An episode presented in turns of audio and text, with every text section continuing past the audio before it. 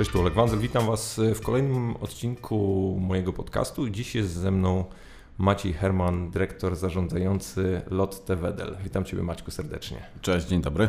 E, nie ukrywam, że te rozmowy jako e, czekoladożerca muszę rozpocząć od dla mnie bardzo fundamentalnego pytania i wierzę, że chociaż inaczej, na pewno gdzieś na, na, na stopie nieformalnej ktoś Ci je zadawał, ale nie wiem, czy kiedykolwiek było to upublicznione. Ale musisz mi powiedzieć, czy Ty jesteś z tej grupy, która jak widzi tabliczkę czekolady, to zjada całą, czy raczej zjada po kostce bądź porządku? Niestety całą.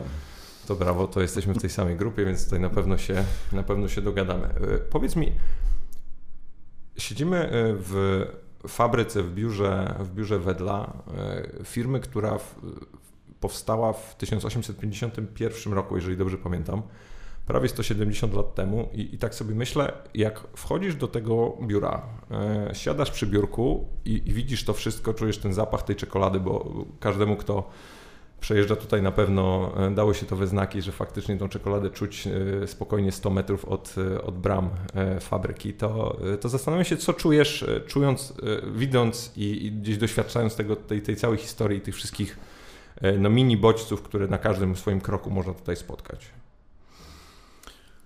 Zanim zacząłem pracę w Wedlu, nieraz tędy się przechadzałem, między innymi dlatego, że przez 4 lata u sąsiadów pracowałem tutaj za ścianą. I e, ilekroć e, kiedyś tutaj przechodziłem, to tak jak mówisz, e, było. Mm, miałem takie wrażenie bardzo takiego silnego zapachu czekolady, kakao. Natomiast muszę Cię trochę rozczarować. Niestety, jak się tutaj już pracuje i na co dzień człowiek bywa, to ten zapach przestaje się czuć. Kwestia pewnie przyzwyczajenia mm, kubków zapachowych, tak, czujników zapachowych gdzieś, gdzieś w nosie, w gardle. Natomiast, e, no oczywiście to jest, e, jeśli bym tak sięgnął pamięcią dawno temu, to nawet sobie nie wyobrażałem kiedyś, że e, będę pracował w czekoladzie, w czekoladzie czy w fabryce czekolady. Jeszcze kiedyś skojarzenia z czekoladą krążyły wokół różnego rodzaju filmów, tak, typu Willy Wonka, czy, czy był taki film z Johnem Deppem, Czekolada. I to można powiedzieć, był taki klimat zawsze trochę baśniowy, e, bajkowy. Natomiast, e, no i oczywiście się, czekolada się kojarzyła z produktem, który jest w sklepie, który chciało się spożyć jako dziecko, e, o którym się można powiedzieć w pewnym sensie marzyło. Natomiast to, że będę w tej firmie pracował, czekoladowej jakiejkolwiek, a w ogóle w Wedlu, która jest taką, mm, takim synonimem, można powiedzieć, czekolady w Polsce, no to na pewno mi się nigdy nie śniło jako dziecku y, i jest to, można powiedzieć, coś wyjątkowego. Natomiast y, dzisiaj, już jak ponad 10 lat pracuję w firmie, no nie da się ukryć, że e, no te emocje trochę zeschodzą na plan dalszy i przychodząc do pracy, no myśli się niestety, chyba tak można powiedzieć, o tym, co jest do zrobienia, z kim się trzeba spotkać, e, jakie rzeczy trzeba załatwić, e, jakie są cele do zrealizowania. Czyli niestety taka codzienna praca, tak jak każdy z nas, e, czy większość z nas codziennie, o, której myśli codziennie i, i wiąże się ona z pewnymi wyzwaniami, zadaniami, oczywiście radościami też. Mam nadzieję, że większość z nas czuje radość, chociaż w jakimś stopniu chodząc do pracy, natomiast no, na pewno nie jest już to tak emocjonalne jak dawno temu. Co, co dzisiaj jest z perspektywy Twojej, ale też, też całej firmy największym wyzwaniem dla Was? No, wyzwań jest, e, można powiedzieć, bez liku. Nasza konkurencja cały czas nam stawia wyzwania, no, no bo pracujemy na takim rynku bardzo konkurencyjnym e, i, i to no nie możemy pozwolić na to, żeby konkurencja nas za bardzo wyprzedzała, ponieważ będziemy wtedy przegrywać w rynku. E, dużymi wyzwania, duże wyzwania stawiają nam konsumenci i klienci. Naszymi klientami są sieci detaliczne czy hurtownie, e, gdzie rynek również jest bardzo konkurencyjny i ci klienci mają bardzo wysokie, coraz wyższe wymagania. No i oczywiście konsumenci, wszystkie trendy rynkowe, które obserwujemy na rynku, e, można powiedzieć, że takie, które no, niektóre są fundamentalne. Tak? To, są, e, to są e, trendy bardzo proekologiczne, to są trendy prozdrowotne, to są też trendy takie ciekawe w Polsce, które obserwujemy już od paru lat, premiumizacyjne, czyli konsumenci, coraz więcej jest konsumentów, którzy poszukują wyjątkowych produktów, e, takich, które oni szczególnie lubią, jeśli chodzi o smaki, kształty, format, a cena schodzi na plan dalszy. E, I wyzwaniem tutaj w takim elemencie jest chociażby to, że trzeba być bardzo innowacyjnym. Czyli trzeba tworzyć to, to portfolio, trzeba tworzyć te produkty, które są coraz bardziej, czas, nie, nierzadko wyszukane. I coraz trudniej takie stworzyć, używać jakichś specjalnych e, dodatków, e, składników wyszukanych, typu nie wiem, quinoa, musli i tak dalej, których się kiedyś nie używała, w tej chwili a w tej chwili coraz więcej osób takich e, wynalazków w cudzysłowie, w cudzysłowie potrzebuje. Cieszę się bardzo, że powiedziałeś o tych trendach, bo mm, ja mam takie wrażenie, że jest kilka takich no powiedzmy makro zjawisk czy, czy nurtów, które zaczynają powoli dotykać każdej, e, każdej z firm, ale wydaje mi się, że kluczowe z perspektywy szczególnie marek konsumenckich jest, e, jest fakt, że ci konsumenci stają się po pierwsze coraz bardziej świadomi, po drugie mam takie wrażenie, że szczególnie młodzi ludzie są coraz bardziej wymagający i zastanawiam się, jako że no, Wedel jest marką tradycyjną, e, z bardzo bogatą historią, która mimo wszystko ma pewną, pewien swój świat, ma teraz nagle grupę, która w bardzo wielu przypadkach tego świata kompletnie nie zna.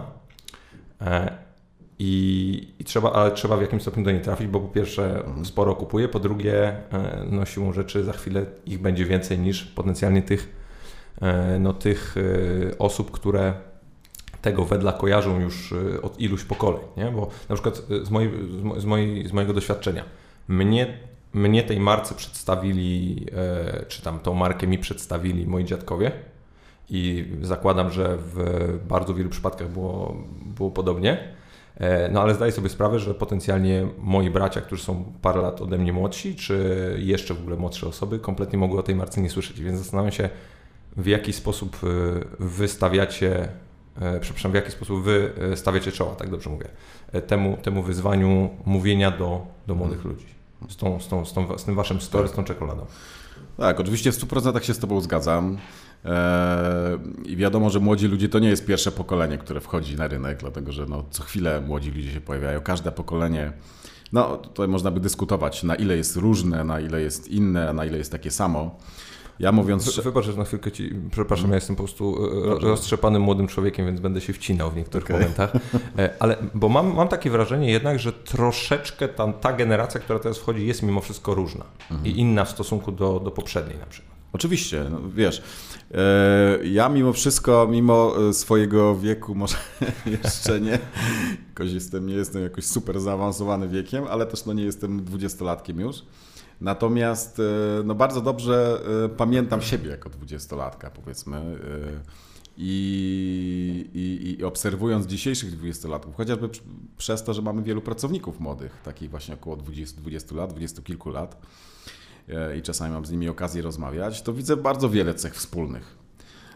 Takich jak kwestionowanie rzeczywistości, tak? to, to, że chcemy funkcjonować inaczej niż nasi rodzice już nie mówiąc o dziadkach i tak dalej. To, co się zmieniło na pewno przez te 20 e, czy 20 parę lat, to jest to, że w tej chwili świat jest bardzo mocno zdigitalizowany.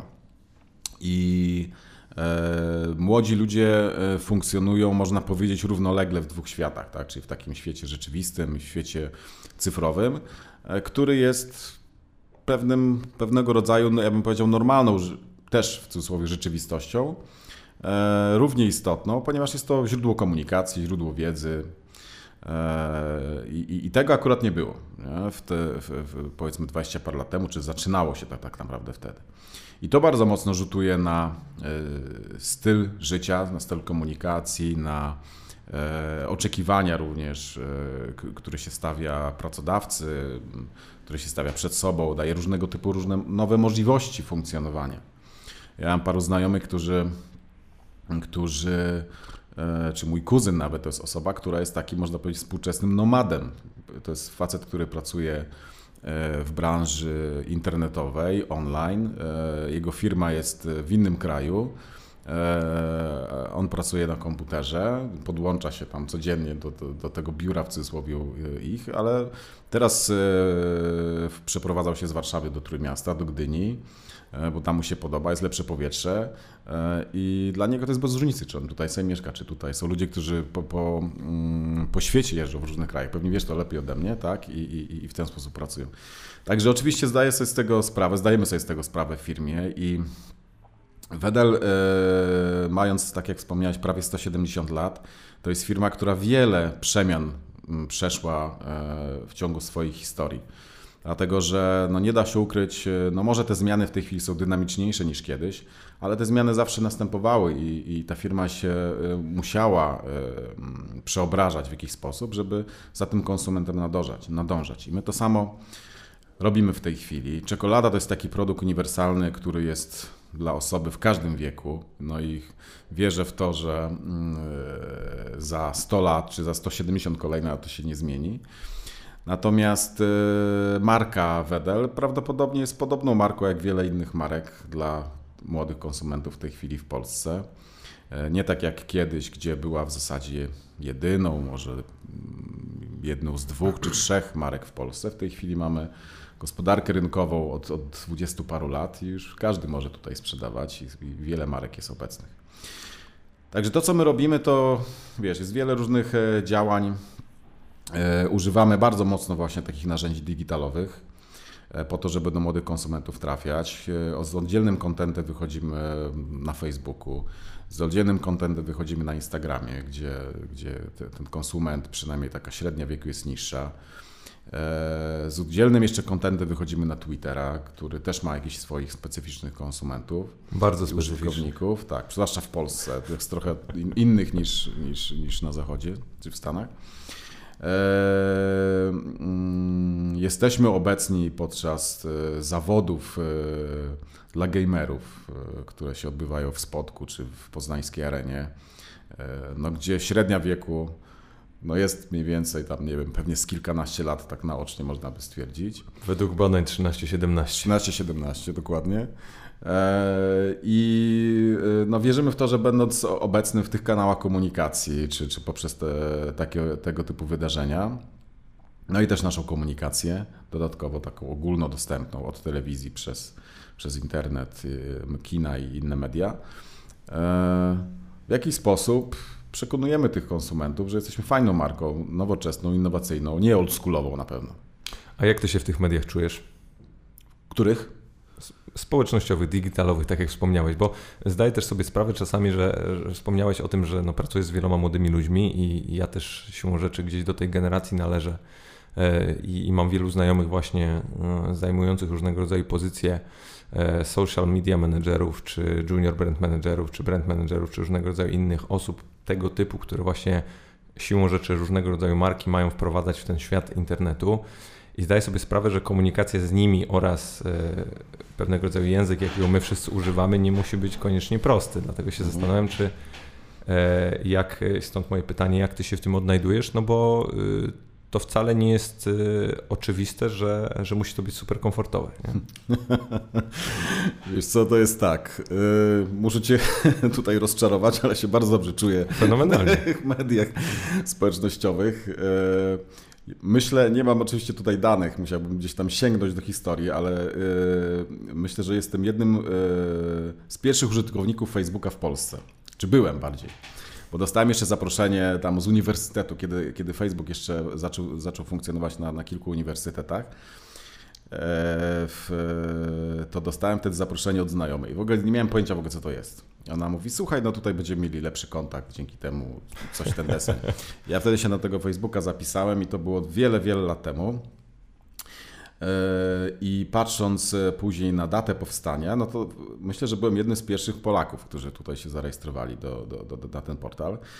E, parę lat temu się wypisałem z kolei z Facebooka, bo e, no za dużo czasu mi to zajmowało, głowę mi to zajmował czas i tak dalej i, no i zrobiłem taki można powiedzieć, w cudzysłowie coming out e, i, i, i już nie używam te, te, tego portalu w zasadzie do, do, do, takich celów osobistych. Natomiast e, jestem takim dość aktywnym użytkownikiem innych social mediów. Może tutaj nie będę zdradzał, nie, no, bo, bo to są takie mm, czasami zawodowe rzeczy, tak jak LinkedIn, gdzie dość, e, myślę, że jestem dosyć takim, taką aktywną osobą. E, ale też gdzie niegdzie w innych miejscach, jeśli ktoś by dokładnie poszukał, można mnie znaleźć, niekoniecznie od strony zawodowej. E, więc, e, więc i uważam to za coś naturalnego, tak? I, i, i niezależną rzecz od wieku i, i i myślę, że się dobrze w tym czuję. Natomiast z punktu widzenia zawodowego, to oczywiście e, też się muszę w tym dobrze czuć i dobrze to znać nie tylko od strony takiej użytkownika, tylko także również od strony, można powiedzieć, pewnej e, analitycznej, biznesowej też. To jest takie słowo może trochę dziwne, ale trochę tak jest. Po to, żeby, no żebyśmy tutaj w zespołach, które tworzą komunikację na przykład, czy content mm, social mediowy, E, żebyśmy to robili no, efektywnie po prostu. A ty uważasz, że mm, docelowo większość e, potencjalnie waszych ruchów marketingowych może się znaleźć w internecie? W najbliższej jakiejś, e, raczej krótkoterminowej przyszłości, bo długoterminowo jest to gdzieś mhm. raczej oczywiste, że w tym kierunku zmierzamy, ale ja się zastanawiam, czy z perspektywy, no, mimo wszystko firmy czy marki, która operuje wieloma produktami, ma bardzo szerokie portfolio, czy jednak z Waszej perspektywy widzicie, że ten shift w pewnym sensie w branży już zachodzi, czy jeszcze jednak jesteśmy w przededniu tego? Zachodzi zdecydowanie. Ja, ja, pamiętam, myśmy byli, Wedel był pierwszą firmą w Polsce, taką słodyczową, może czekoladową bardziej, która bardzo mocno e, przesunęła budżety z, z budżetów telewizyjnych na budżety digitalowe. To się odbywało, już w tej chwili nie pamiętam, z 5 lat temu mniej więcej. Chwała kiedy... Wam za to. Proszę? Chwała Wam za to. E, mniej więcej pamiętam, że wtedy wszyscy, jeśli popatrzy się, no nie będę wymieniał może nas, ale naszych konkurentów, włącznie z nami, 90% trafiało do telewizji, 10% do wszystkich innych mediów. Tak, radio, billboardy, kino, digital i tak dalej. No i my dosyć taką odważną decyzję właśnie podjęliśmy mniej więcej wtedy e, i z roku na rok, praktycznie, czy niemalże z dnia na dzień, e, telewizja zjechała nam do 50%, e, a wszystkie inne media do 50% podnieśliśmy. Czyli w tym bardzo duży udział przyjął digital. Oczywiście telewizja cały czas w Polsce jest bardzo zasięgowa i stosunkowo, można powiedzieć, niedroga, jeśli chodzi o dotarcie ale wiadomo, że to już się zmienia się grupa docelowa, tak? bo ta grupa się starzeje, ta telewizyjna. Stąd y, my ten balans, y, no już na pewno nie wrócimy do, takiego, do takich relacji 90% telewizja, 10% reszta. Już jesteśmy bliżej tego 50 na 50 i nasi konkurenci za nami podążyli, można powiedzieć, y, mniej lub bardziej, zależy na którą firmę się spojrzy, dlatego że no, tam są nasi konsumenci po prostu i nasi i ich, także my na pewno będziemy coraz bardziej starać się być efektywni, coraz ciekawsi, coraz interesujący, coraz bardziej interesujący w social mediach czy w ogóle w świecie takim digitalowym. Mm. Wspomniałeś o osobie młodym parę minut temu, o tym jak e, rozmawialiśmy jeszcze w kategoriach... E, Czyli czekol... dzisiaj. Fair point. Ale raczej chodzi mimo wszystko o tego, tego młodego, młodszego. Okay jakbyś y, miał dzisiaj takiemu dwudziestoletniemu sobie y, jakąś taką wiedzę czy prawdę przekazać, to, czy, czy jakąś taką y, poradę, to co byś sobie powiedział, mając te 20, 20 parę lat? Ja tak z dzisiejszej perspektywy yy, muszę powiedzieć, że yy, w dużym stopniu oczywiście na czuja, można powiedzieć intuicyjnie, w wieku 20 lat podejmowałem pewne decyzje. Natomiast z dzisiejszej perspektywy mogę powiedzieć, że te decyzje podjąłem bardzo dobrze. Jestem zadowolony z miejsca, w którym jestem w tej chwili, z tej ścieżki, którą przyszedłem. Mimo, że jakichś zakrętów, znaków zapytania miałem no sporo po drodze.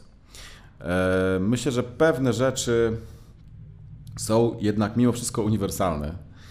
E, I, i Pierwsze, co bym na pewno powiedział sobie, co na szczęście miałem w sobie wtedy, ale, ale na pewno myślę, że to był jeden z takich istotniejszych elementów, który się też nie zmienił do dzisiaj, to jest to, że trzeba być nastawionym bardzo mocno na naukę.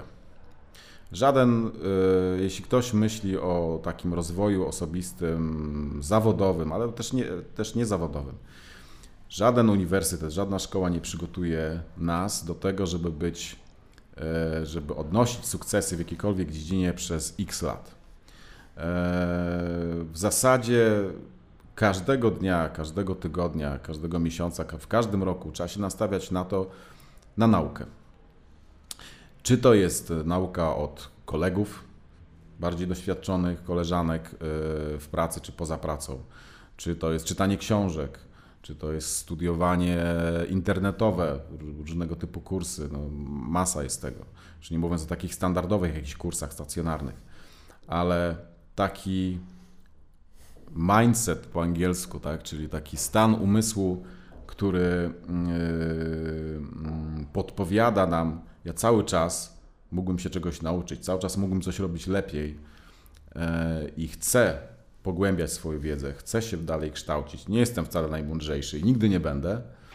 Yy, myślę, że chyba to jest taka wskazówka numer jeden, którą bym sobie przekazał, która jest dosyć uniwersalna.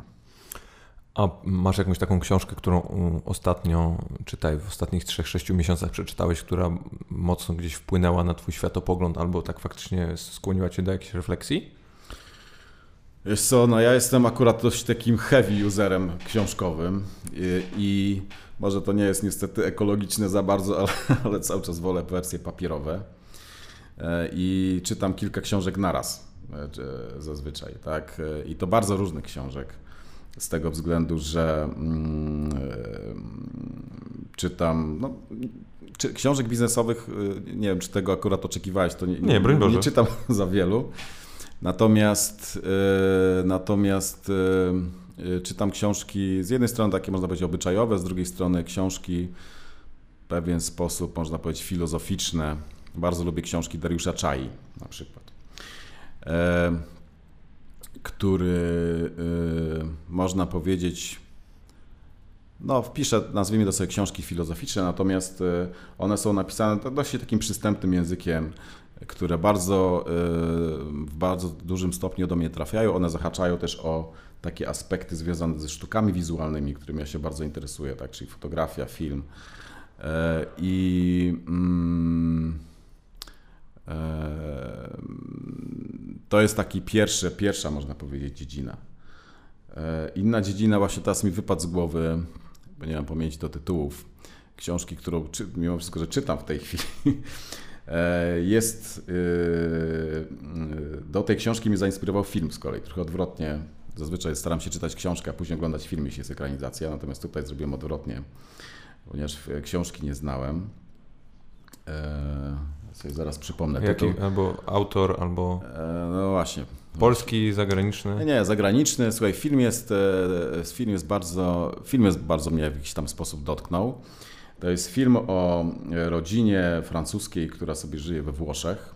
Jest tam taki młody chłopak, ma 17 lat. E, I jego ojciec jest profesorem literatury i przyjeżdża do nich e, student tego ojca, taki około 30-letni Amerykanin. Z, to jest, wiem o który film chodzi, bo tam grał, e, o Boże Święty, Arnie Hammer, tego no. studenta. Tak, ten, tak, taki, tak. On, ten, ten, młody aktor, on teraz e, ma nominację do Oscara. Dokładnie tak. I teraz jest o. nowy film z nim. Teraz tak, właśnie za ten film. O Boże. Wiem na pewno, że angielski tytuł jest zupełnie inny niż polskie tłumaczenie, jak to się często zdarza. E, Jesteśmy fatalni. Tak, pamiętam dokładnie okładkę, bo ja, ale ja mam w ręku wczoraj ja, wieczorem. Ja to przed sobą po prostu, o Boże święty. W każdym bądź razie... Polecamy. Tak, polecamy. w każdym razie ta książka, jestem gdzieś mniej więcej w połowie, jest lepsza niż film, e, jak to się często zdarza. E, I to też, no to jest taki drugi przykład, także...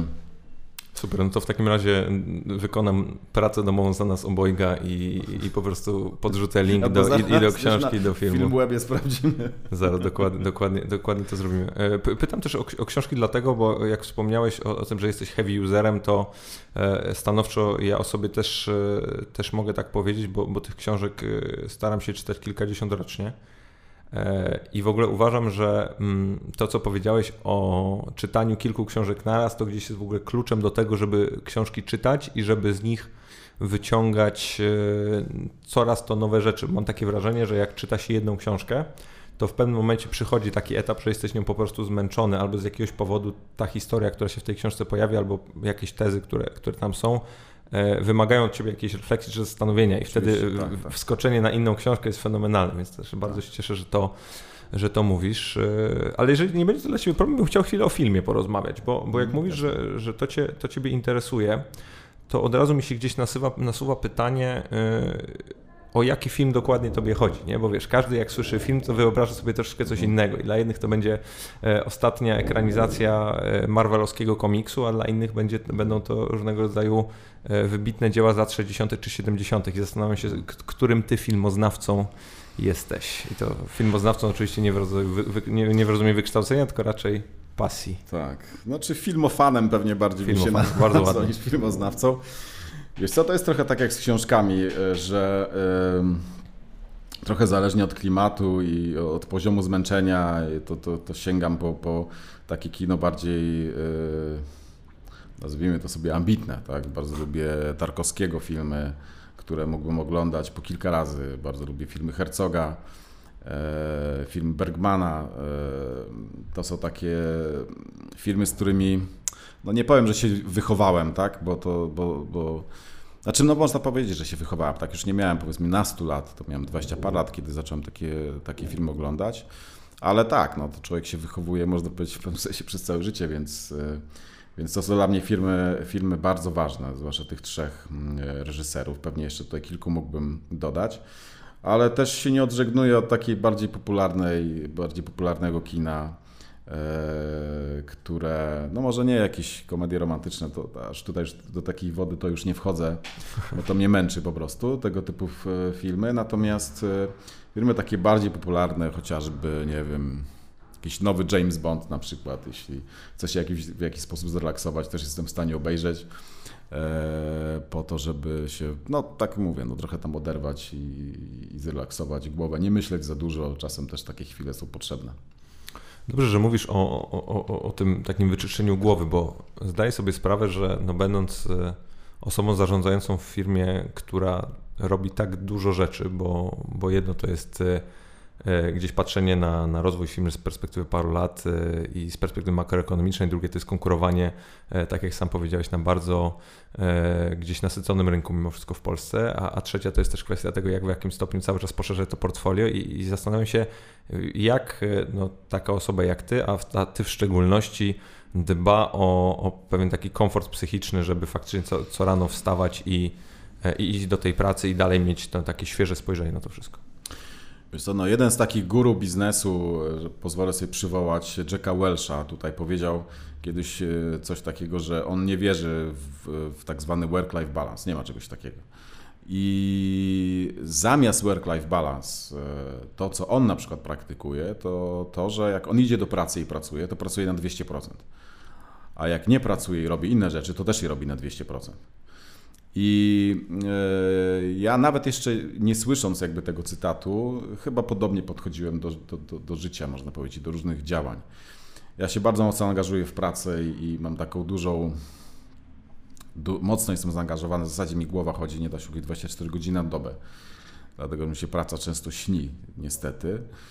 Natomiast y, mam też wiele różnych y, innych zajęć pozazawodowych. Często mnie się ludzie pytają, którzy mnie znają w takich bardzo, bardzo różnych obszarów, jak ja to robię, że te wszystkie różne rzeczy łączę. Sam nie wiem, jak to robię, ale, ale y, tak jest, że nie lubię się zajmować byle jak czymkolwiek, więc jeśli zajmuję powiedzmy sztukami wizualnymi, którymi akurat się zajmuję poza, pozazawodowo, to też robię to na 200%. Bardzo mocno się angażuję, staram się robić rzeczy na bardzo wysokim poziomie, e, takie, które e, nie tylko dają coś mi w sensie jakiegoś tam rozwoju czy tam zadowolenia, satysfakcji, ale też e, mam nadzieję, że dają też coś innym osobom w sensie jakichś doznań, wrażeń, przeżyć i tak dalej. Więc Mówisz o zdjęciach w tym przypadku, czy o, czy o filmach? Tak, mówię o zdjęciach, tak. No, zdjęcia są o tyle chyba prostsze, tak mogę, nie wiem czy prostsze, no powiedzmy, że prostsze, na pewno technicznie prostsze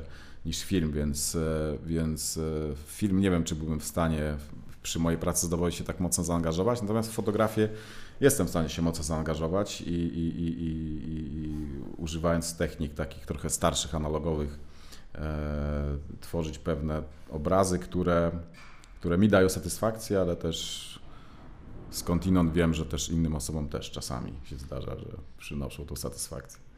A gdy, gdy robisz zdjęcia, to, to czego szukasz? Jak, jak, jakiego rodzaju te zdjęcia robisz? No bo też fotografia jest potwornie szeroką. Mhm, tak.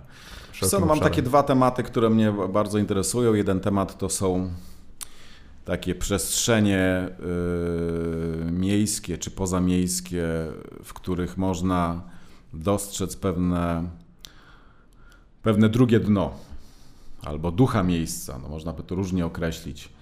E, nie są to, broń Boże, krajobrazy czy, czy nie wiem, jakaś taka fotografia miejska typu street. To jest e, bardziej taka uspokojona, wyważona e, fotografia poszukująca w nieoczywistych miejscach, tak jak mówię, pewnych, pewnych, pewnej, mm, pewnego głębszego świata. To jest jakby pierwszy, wiem, czy dosyć jasno wyjaśniłem, ale to tak mniej więcej jest pierwszy, pierwszy obszar, a drugi obszar to jest obszar portretowy gdzie tak dosyć przypadkowo e, kilka lat temu się odnalazłem, myślę, że całkiem nieźle w tym, w tym temacie. Zrealizowałem kilka projektów e, portretowych e, i, i, i, i taki kontakt z drugim, z drugim człowiekiem poprzez, poprzez, ale też obok obiektywu też mnie w jakiś sposób cieszy. Dobrze, że to jest niesamowite, bo tak naprawdę mm, każdy gdzieś, y, jak tak Ciebie słucham, to, y, to widzę bardzo dużo analogii do tego na przykład z jakiego powodu ja nagrywam podcasty, tylko że kompletnie każdy z nas wybrał troszeczkę inne medium. Nie? Mhm. Medium w rozumieniu mhm. pewnego środka przekazu, e, bo dla ciebie to są zdjęcia, a dla mnie, dla mnie to jest właśnie rozmowa, ale, ale finalnie chodzi o to, żeby pewną historię i jakąś głębię wydobyć z drugiego człowieka, który potencjalnie e, może być dla tego świata kompletnie inaczej postrzegany. Nie? Bo na przykład y, ja, choć wydaje mi się, że gdzieś przekopałem internet E, przygotowując się do tej rozmowy, no to w życiu, w życiu nie sądziłem, że jakąś określoną część e, właśnie tego naszego nagrania poświęcę na rozmowę o zdjęciach. I to jest gdzieś fenomenalne, że, że faktycznie e, wstajesz rano i możesz się takich rzeczy dowiadywać. I to jest chyba w ogóle najfajniejsza rzecz, jaką ja wynoszę w ogóle z tych rozmów. Nie wiem, czy też masz coś takiego, jak, jak robisz te zdjęcia? Tak, dokładnie tak. Powiem Ci, taki pierwszy projekt, który robiłem parę lat temu, można powiedzieć, że to było zlecenie z, z jednej fundacji. No, otworzył mi totalnie oczy na pewne aspekty e, pewnej części społeczeństwa, tak to nazwijmy, e, które zupełnie mi były nieznane, albo były znane tak jak przeciętnemu e, człowiekowi, czyli coś tam słyszał, coś tam czytał i tak dalej, ale generalnie nic nie wie. Natomiast, natomiast mi to bardzo mocno otworzyło głowę w pewnych aspektach, uwrażliwiło na pewne rzeczy i zdecydowanie uczyniło mnie lepszym, tak mógłbym powiedzieć w tej chwili. Także tego typu projekty, myślę, że chyba pewnie podobnie jest przez rozmowę, dlatego że fotografia jakby portretowa nie istnieje, czy jest bardzo trudna, nie, chyba jest niemożliwa tak naprawdę bez rozmowy. I, I, żeby zrobić dobre zdjęcie, no potrzeba pewnie kilku godzin przynajmniej rozmowy z, z drugą osobą. Tak myślę, e, żeby mm, wydobyć e, poprzez obraz z, z tej osoby coś takiego, co jest interesujące.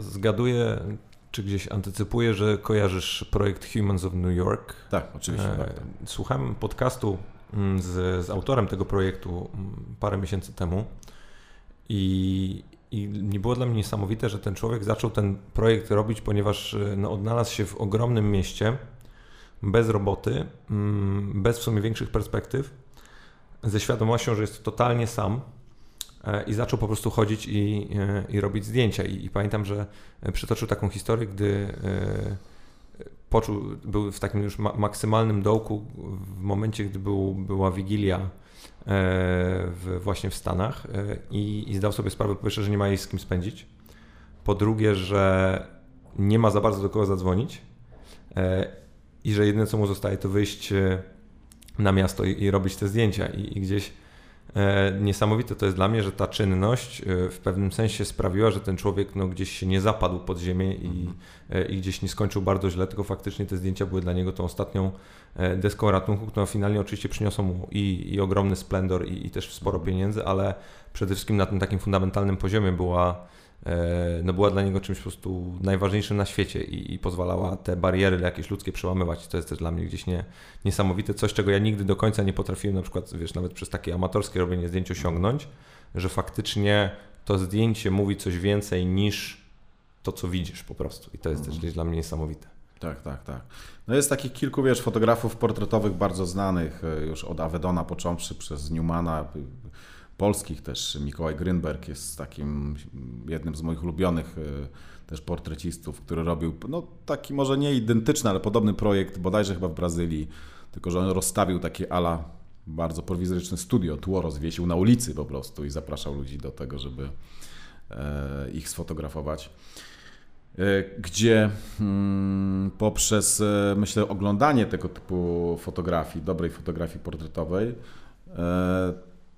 Czyli nie robiąc tylko fotografii, ale, ale oglądając ją na pewno, też człowiek w jakiś sposób uwrażliwia się na pewne aspekty, właśnie takie wizualne, ale nie tylko też takie ogólnoludzkie, więc, więc nawet jeśli ktoś nie ma takiego, nie czuje się dobrze w medium w sensie, w sensie wykonywania powiedzmy fotografii, też sam, sam odbiór, sam oglądanie dobrych zdjęć myślę, że dostarcza podobnych wrażeń. Bezwzględnie. E, Maćko, wróciłbym na chwilę do Wedla, mimo mhm. wszystko. E, pracujesz e, w firmie już 10 lat, od prawie roku jesteś, jesteś stoisz na czele tej firmy I, i, i, tak się zastanawiam, jak patrzysz retrospektywnie na ten, na ten okres czasu, to z czego jesteś najbardziej dumny? Na te 10 lat czy na ten rok? Na te 10 lat. Te 10 na te lat. 10 lat i na ten rok. Czy punkt A i B? Wiesz co, chyba tak trochę pół żartem, pół serio, y, na pewno jestem dumny z tego, że nadal tu pracuję.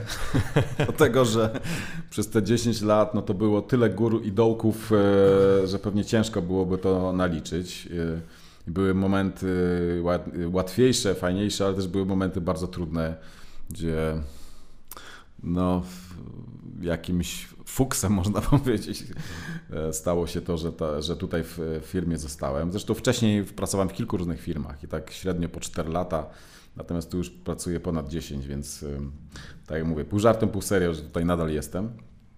Ale y, oczywiście są, są ważniejsze aspekty. Myślę, że ja bardzo dużą satysfakcję czerpię z tego, że biznes nam się rozwija. Tak, że pracujemy w fajnym zespole. To, to, to, że pracujemy z silną marką, to wcale nie jest, e, nie, nie, nie tylko jest to ułatwienie, e, nie jest to, niekoniecznie jest to ułatwienie, e, to jest bardzo duże też wyzwanie. I praca w, w bardzo dobrym zespole jest jakby nadrzędnym elementem do tego, żeby sukcesy takie biznesowe tutaj osiągać. I to mi daje dużo satysfakcji, że pracujemy w fajnych zespołach. Ja pracuję z fajnymi ludźmi, inne osoby w naszej firmie pracują w też fajnych zespołach, gdzie e,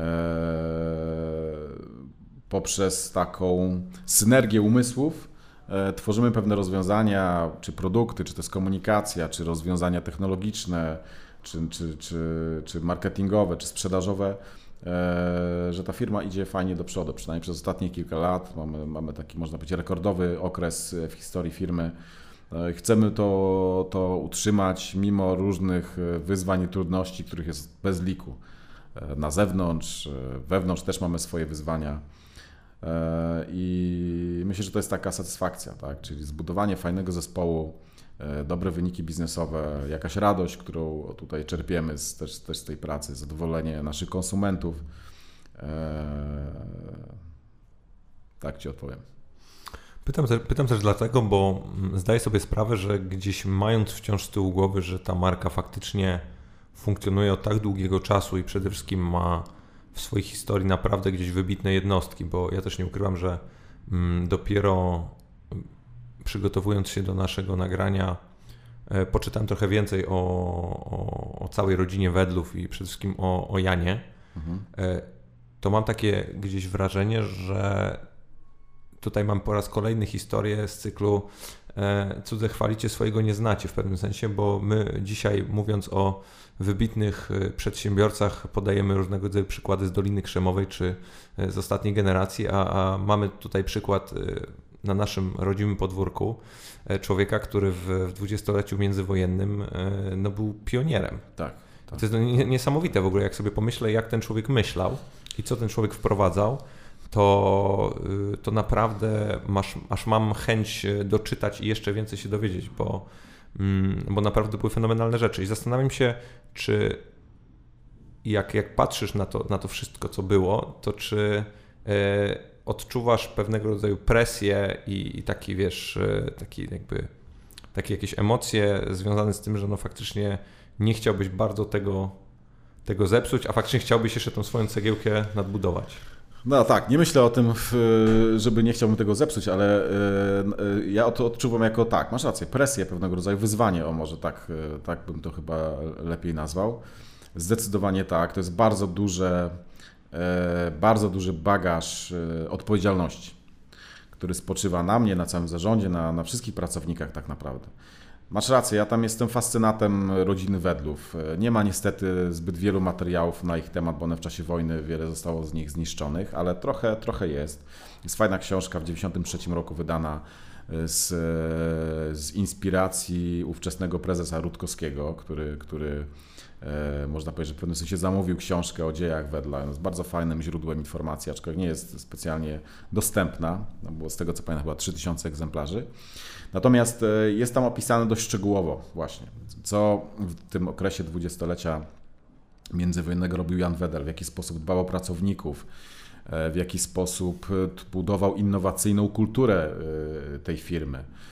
To był człowiek, jeden z pierwszych takich biznesmenów w Polsce, który można powiedzieć, wtedy to się tak pewnie nie, nie określało takimi słowami, ale dzisiaj by można by powiedzieć, pracował nad parytetami damsko-męskimi bo wcześniej zatrudniano głównie mężczyzn, a on zatrudnił mężczyzn i kobiety, więc dbał e, o takie aspekty no, bardzo mocno wyprzedzające ówczesne czasy. E, wspierał sportowe, sportowe aktywności, czyli można by dzisiaj określić tym work-life balance, powiedzmy, e, swoich pracowników. Dbał o ich dzieci poprzez to, że, że sponsorował przedszkole przy, przy, przyzakładowe. Tutaj był dentysta przyzakładowy, no, no, no różne rzeczy które, o których się y, ówczesnym też pół żartem, pół serio HR-owcom nie śniło. Więc, y, więc y, zdecydowanie tak, jest to, a jednocześnie człowiek, który bardzo silnie był też umocowany w tym obszarze sztuki. E, bardzo taki miał wysokie poczucie estetyki, zwłaszcza takiej wizualnej. Jeżeli dobrze w ogóle pamiętam, to, to Wedel jako firma wydała chyba tom poezji na jakimś etapie tą poezji. On współpracował e, z Zofią Stryjeńską, która e, z jednej strony projektowała e, opakowania ptasiego mleczka, z drugiej strony w kamienicy Wedla na Puławskiej, która się ostała, ta kamienica, stworzyła taki fresk na klatce schodowej sam, sam symbol chłopca na zebrze to jest efekt pracy słynnego projektanta włoskiego, więc on się bardzo też obracał w, takim, w takich kręgach e, związanych ze sztuką. I to jest to jeden z takich wątków, o których mówiłeś wcześniej, nie? czyli te, te, te, takie pozornie wydawałoby się odległe światy wcale nie są takie odległe, dlatego że one nawzajem się potrafią wspierać e, w jakiś sposób. Mi się też wydaje szczególnie, że gdy mówimy o markach konsumenckich, czy w ogóle produktach konsumenckich, to jednak gdzieś ta wrażliwość e, jest bardzo potrzebna, żeby, żeby móc te, te, tą, tą, komunikację, czy w ogóle tą historię budować, no bo, bo jeżeli nie rozumiesz, do kogo mówisz i nie do końca potrafisz to gdzieś złapać, to, e, no to też wtedy albo będziesz nieprecyzyjny, albo wręcz możesz się wydawać sztuczny w tym, a to jest chyba najgorsze z perspektywy w ogóle. Oczywiście, oczywiście. No to wiesz, musisz być prawdziwy. No, konsumenci nie tylko dzisiaj, ale i też wcześniej, oni bardzo szybko wyczuwają fałsz, tak, pewnego rodzaju. Że próbujesz im sprzedać coś, co, co, co nie jest prawdziwe. Tak? To nie jest na pewno droga no, do krótkotrwałego sukcesu, może tak, ale, W przypadku, jeśli chcesz budować przedsiębiorstwo na wiele, wiele lat, y, no to nie jest to sposób. Tylko i wyłącznie prawdziwym przekazem, szczerością jesteś w stanie, jestem przekonany, zbudować jakąś lojalność konsumentów. A jakie są mm, Twoje ambicje mm, personalne związane po pierwsze z Wedlem, a po drugie też ze swoją karierą zawodową? Co, no my mamy bardzo ambitne, e, ambitną wizję, e, przez którą postawiliśmy sobie, zresztą całkiem niedawno, w zeszłym roku przed firmą. E, polski rynek jest rynkiem bardzo już w tej chwili dojrzałym i płaskim. On w zasadzie nie rośnie. Tam wzrost rzędu 1%, 2%, można powiedzieć, że on jest stabilny. Dlatego my krok po kroku się tutaj zamierzamy w, w, w tym kraju rozwijać, ale ponieważ dla nas to tempo jest zbyt wolne, My bardzo mocno stawiamy również na eksport. Czyli nie chcemy być marką polską, jaką w tej chwili tak naprawdę Wedel jest, ale chcemy być marką co najmniej regionalną. Czyli chcemy być bardzo silnie obecni w kilku krajach, nie tylko w Polsce. E, I nad tym pracujemy. W 2016 rok to był taki dosyć przełomowy rok w historii firmy, ponieważ pierwszy raz w historii e, mieliśmy swoją dedykowaną kampanię marketingową, komunikację poza Polską, w innym kraju. E, inną, Jakim, jeżeli mogę dopytać? E, jednym z krajów Europy Centralno-Wschodniej. Dobry. Bardzo precyzyjna odpowiedź. E, I tak, to był tak pewnego rodzaju test, który można powiedzieć się zakończył sukcesem i tam kontynuujemy, kontynuujemy działania. To była komunikacja skrojona pod tamten kraj. Nie, to nie była kopia tutaj tej, tej naszej reklamy, tylko zupełnie, zupełnie inna. I, pracujemy nad tym, żeby tak jak, tak jak wspomniałem, no nie być, umówmy się, żeby być marką globalną to jest dziesiątki lat pracy, więc, więc to może to w następnej wizji będzie. Natomiast chcemy być silną marką regionalną i to na pewno jest nasza, nasza e, jeden z takich ważniejszych elementów, jeśli chodzi o wizję. E, no i też bardzo mocno pracujemy nad naszym portfolio. Rozwijamy to portfolio. Przez ostatnie 10 lat wprowadziliśmy bardzo wiele nowych produktów, w dużym stopniu innowacyjnych. Y, część, można powiedzieć, odkurzyliśmy, tak jak czekotubka, która była kilkanaście lat temu sprzedawana, ona zniknęła, parę lat temu się pojawiła znowu w lepszym, takim nowym wydaniu. E, wprowadziliśmy żelki, wprowadziliśmy kremy do smarowania, e, wprowadziliśmy dekoracje na, na ptasim mleczku, więc ta innowacyjność jest również jakby sercem naszej firmy i to, to też wizją jest to, że chcemy być jeszcze bardziej innowacyjni, jeszcze lepsi tutaj w tym elemencie. No i oczywiście chcemy być firmą, w której się pracuje radośnie, tak jak, tak jak czekolada jest radosnym produktem, tak chcemy być pracodawcą, w którym mm, fajnie się pracuje, tak? który może się odnaleźć człowiek, e, który ma 60 lat i, i pracuje tutaj od 40, 40 lat, mamy takich pracowników, ale w którym również się odnajdzie człowiek 20-letni, dwudziestokilkuletni, który dopiero co zaczyna karierę, e, szuka fajnej firmy i on też się będzie cieszył pracą w Wedlu i chcemy być takim pracodawcą, nad tym też mocno pracujemy. E, firmą, w której e, radość nie czerpiemy tylko z czekolady, ale czerpiemy też z codziennych zajęć.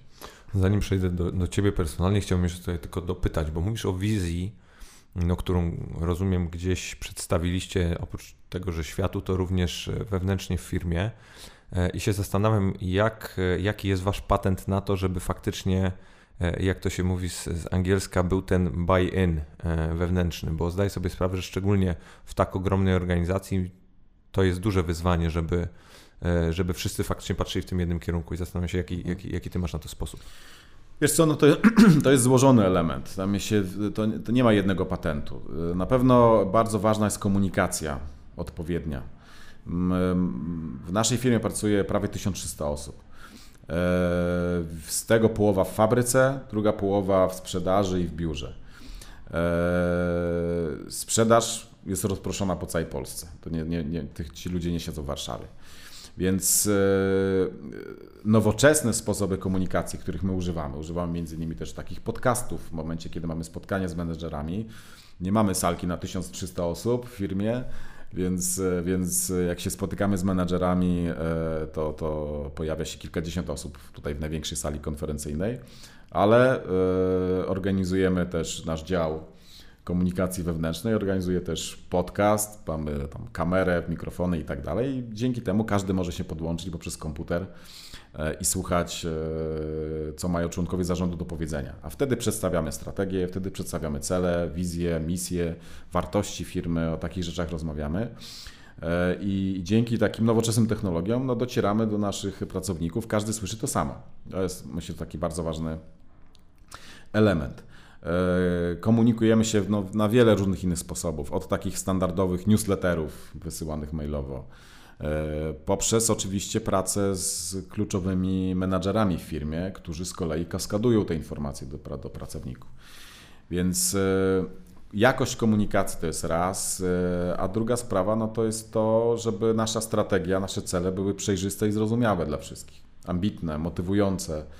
E, to są też takie elementy, które na barkach zarządu głównie e, są i takich kluczowych menedżerów w firmie.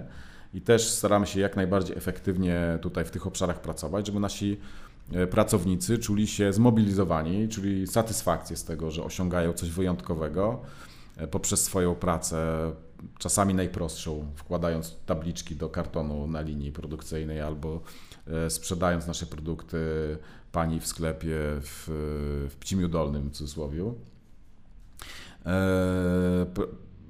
jeśli ci wszyscy pracownicy są zadowoleni, jeśli będą zadowoleni, jeśli będą mieli satysfakcję ze swojej pracy, no to wtedy zakładam, że ta robota jest dobrze zrobiona.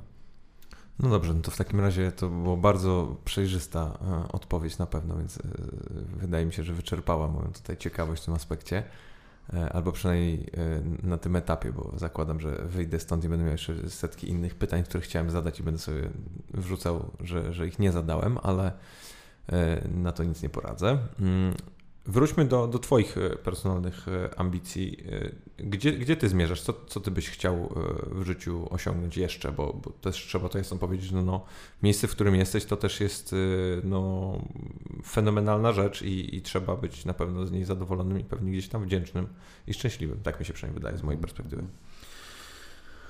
Wiesz co, no to jest to jest też, można by pewnie długo gadać na ten temat. Nie kuś. E, tak, ja myślę, że no myślę, że taką jedną z, no jest takich kilka rzeczy, nie chcę być za bardzo tutaj górnolotnym, ale trochę tak jest, że myślę, że wielu z nas e, stara się być po prostu dobrym człowiekiem tak na co dzień. E, I to się w bardzo różny sposób może przejawiać, a, a, ale, ale to jest coś takiego, o czym mm, ja staram się myśleć i, i, i w jaki sposób e, to realizować, można powiedzieć. Jest bardzo wiele wyzwań związanych ze światem, w którym żyjemy. Tak? E, cały ten obszar ekologiczny, e, to co się stanie z naszą planetą, z klimatem, na ile to zagraża populacji ludzkiej i, i no to są tematy niestety w tej chwili palące już w tej chwili i wierzę w to, że każdy z nas e, poprzez, nie wiem, od segregacji śmieci, poprzez to, co spożywamy i w jaki sposób spożywamy, e, się przyczynia, jest w stanie się przyczyniać do tego, żeby ten, ten świat e, lepiej funkcjonował. Aż po aspekty, oczywiście każdy z nas w jakiś sposób też może się przyczyniać w innych aspektach. No, chociażby ja, będąc szefem dość dużego przedsiębiorstwa, jesteśmy w stanie jako przedsiębiorstwo, czy nawet nie jesteśmy w stanie, ale mamy obowiązek przyczyniać się również do tego, żeby wspierać, e, wspierać te, te, te różnego typu trendy e, po to, żeby tą naszą planetę e, zachowywać w jak najlepszym stanie dla przyszłych pokoleń. Więc to są takie, tak jak mówię, no trochę górnolotne, ale wcale nie uważam, że górnolotne, bo to jest obowiązek każdego z nas, żeby o tego typu aspekty dbać. Jak ktoś pali w piecu, no to no nie powinien palić czym popadnie, tak? tylko, tylko powinien palić czymś, co jest zdrowe i nie wyrzucać smogów e, do atmosfery, co mnie osobiście irytuje bardzo mocno na przykład, nie? Wychodząc na dwór praktycznie każdego dnia. Wspomniałeś na początku o, o, o, tym swoim e, kuzynie, tak, który się wyprowadził teraz do Gdyni, to no ja go w pełni rozumiem, byłem ostatnio w którym mieście i E, i jest diametralna różnica naprawdę. Szczególnie jak jeszcze gdzieś w Warszawie się w jakąś taką dolinę wpadnie typu Saska Kępa albo jakiegoś innego rodzaju określona sfera tego miasta, to po prostu czasami no, wychodzi, zaczyna się krztusić. I to, I to można mówić o marketingowej kampanii, ale naprawdę tak jest. No jest, jest, oczywiście, ja się zgadzam z Tobą. Ja sam czuję gryzienie tutaj w gardle i ja jestem, a ja akurat pochodzę z Gdyni, z, z Trójmiasta i też w święta byłem w, w Gdyni. I nie mieszkając już od 10 lat w tamtym mieście, kiedyś tego nie czułem, ale teraz czuję, jak wracam do, do Gdyni, to po prostu jest inne powietrze zupełnie. I ja tam po, po dwóch godzinach na dworze mi się w głowie kręci od tego świeżego powietrza, nie? więc to jest, to, jest, to jest dramatyczne po prostu, że tutaj akurat w Warszawie, czy pewnie jeszcze w, innych miastach typu Kraków, Rybnik, Tychy i tak dalej, nie można wyjść na dwór tak naprawdę. To jest yy, skandaliczne, ja bym powiedział. Nie? Maćku, słuchaj, bo niestety jesteś bardzo zapracowanym człowiekiem i albo inaczej, stety jesteś bardzo zapracowanym człowiekiem na, moj, na moje nieszczęście, bo zakładam, że byśmy mogli tutaj jeszcze gadać i, i gadać. Na pewno bym bardzo, bardzo sobie tego życzył, e, ale, ale tutaj że Ola na mnie spogląda z ukosa, że, że powoli musimy kończyć, więc, więc będziemy zmierzać ku końcowi. E, dwa tematy mam do Ciebie. Jeden mhm. to jest e, stricte anegdotyczny i to może, może Ci się spodobać, bo bo dotyczy ptasiego mleczka i jakichś mojego z nim doświadczeń, e, a drugi to jest e, takie jakieś w miarę podsumowanie tej naszej rozmowy, do którego przejdę za chwilę, ale wracając do, do anegdoty. Mm, ja, ja jestem byłym piłkarzem i, i wywodzę się z tego środowiska. Jak wiadomo, środowiska sportowe, każde mają różnego rodzaju swoje rytuały, historie, zależności, nawyki i, i wszelkiego rodzaju właśnie śmieszne rzeczy z tym związane. I, mm, i ja ptasie mleczko poznałem, oczywiście jak byłem mały, ale, ale po czym tak bliżej poznałem dopiero w momencie, gdy, gdy miałem 15, 15 lat. Wyprowadziłem się do internatu pod, pod Poznaniem, do Szamotu i, i tam nas mieszkało chyba 30 chłopaków. E, I ptasie mleczko było walutą. E, ptasie mleczko było walutą, ponieważ tam, gdy chciało się kogoś do czegoś przekonać, a oczywiście nie mogliśmy e, stosować różnego rodzaju e, przekupstwa bezpośredniego, to to, to ptasie mleczko było właśnie zawsze najbardziej pożądanym produktem, jaki, jakim byłeś wszystko tak naprawdę w stanie załatwić i coś przehandlować. I to również był pewnego rodzaju haracz w momencie, gdy haracz oczywiście w dużym cudzysłowie, w momencie, gdy zapomniało się albo butów, albo czegokolwiek z boiska i, i tym też się wówczas płaciło. I pamiętam, że było to dla mnie niesamowite, że faktycznie e, był taki, wiesz, mikro przykład jakiejś umowy społecznej, która pozwalała tobie faktycznie się tym ptasim mleczkiem e, rozliczać, więc więc to też, e, też gdzieś śmieszna historia, że w sumie w życiu byś nie pomyślał, że coś może tak funkcjonować pewnie, a, a faktycznie tak było. Mhm, więc, mhm. więc nie wiem, czy wy też macie takie doświadczenia z różnego rodzaju waszymi innymi produktami, ale za każdym razem jak o tym myślę, gdzieś to mi e, przychodzi uśmiech na usta. Ale wracając do podsumowania, bo to tak lekka dygresja. Jan Wedel w latach 30. miał swój samolot, y, którym nie dość, że rozwoził produkty, to również reklamował, reklamował markę i, i ja mam takie swoje ostatnie pytanie zazwyczaj w, w podcaście i staram się co, co nagranie wymyślać w jakiś inny sposób, żeby o nie zapytać. E, I jak wyobraź sobie, jakbyś miał dzisiaj taki samolot i on by ten samolot mógł faktycznie latać mm, no, po Warszawie, po Polsce, po, po świecie i hipotetycznie mm, ten samolot miałby za sobą taką wielką płachtę i na tej płachcie mógłbyś coś napisać i docelowo trafić do bardzo wielu ludzi, to e, co byś tam napisał? Wiesz co, to mieliśmy sześć samolotów, powiem Ci, w roku 2017-2018 mieliśmy deala z, tak? z polskimi liniami e, lotniczymi i sześć, sześć samolotów było obrędowane ptasim mleczkiem. O. I to były samoloty zarówno latające po kraju, jak i latające za granicą. Dużo zdjęć od różnych znajomych dostałem w międzyczasie. E, takie normalne MMS-y, którzy sobie lecieli gdzieś na urlop i patrzą, wchodzą do samolotu, a tam ptasie mleczko na, na, na kadłubie i, i, i robili zdjęcie i mi wysyłali, co to jest. Nie? Także. E, także no, no to widzisz, mamy taki ale, przykład. No to ale, ale, ale, ale siłą rzeczy na tego Boeinga tak. no, płachtę mu nie przyczepisz, bo, bo pewnie by tam gdzieś odleciała mhm. na 8 tysięcy, na, na 8 tysiącach kilometrów bądź wyżej. Mhm. E, ale wracając do, do, do pytania. Masz pewnego rodzaju medium, na którym możesz coś powiedzieć i co byś powiedział i z czym byś ludzi zostawił? Może być górnolotnie. bądźcie szczęśliwi, bądźcie dobrymi ludźmi i odczuwajcie radość na co dzień. Pięknie. Maćku, bardzo, bardzo, bardzo Ci dziękuję i, i, bardzo doceniam mimo wszystko, że, że udało nam się tak, e, tak zakończyć. Dzięki bardzo.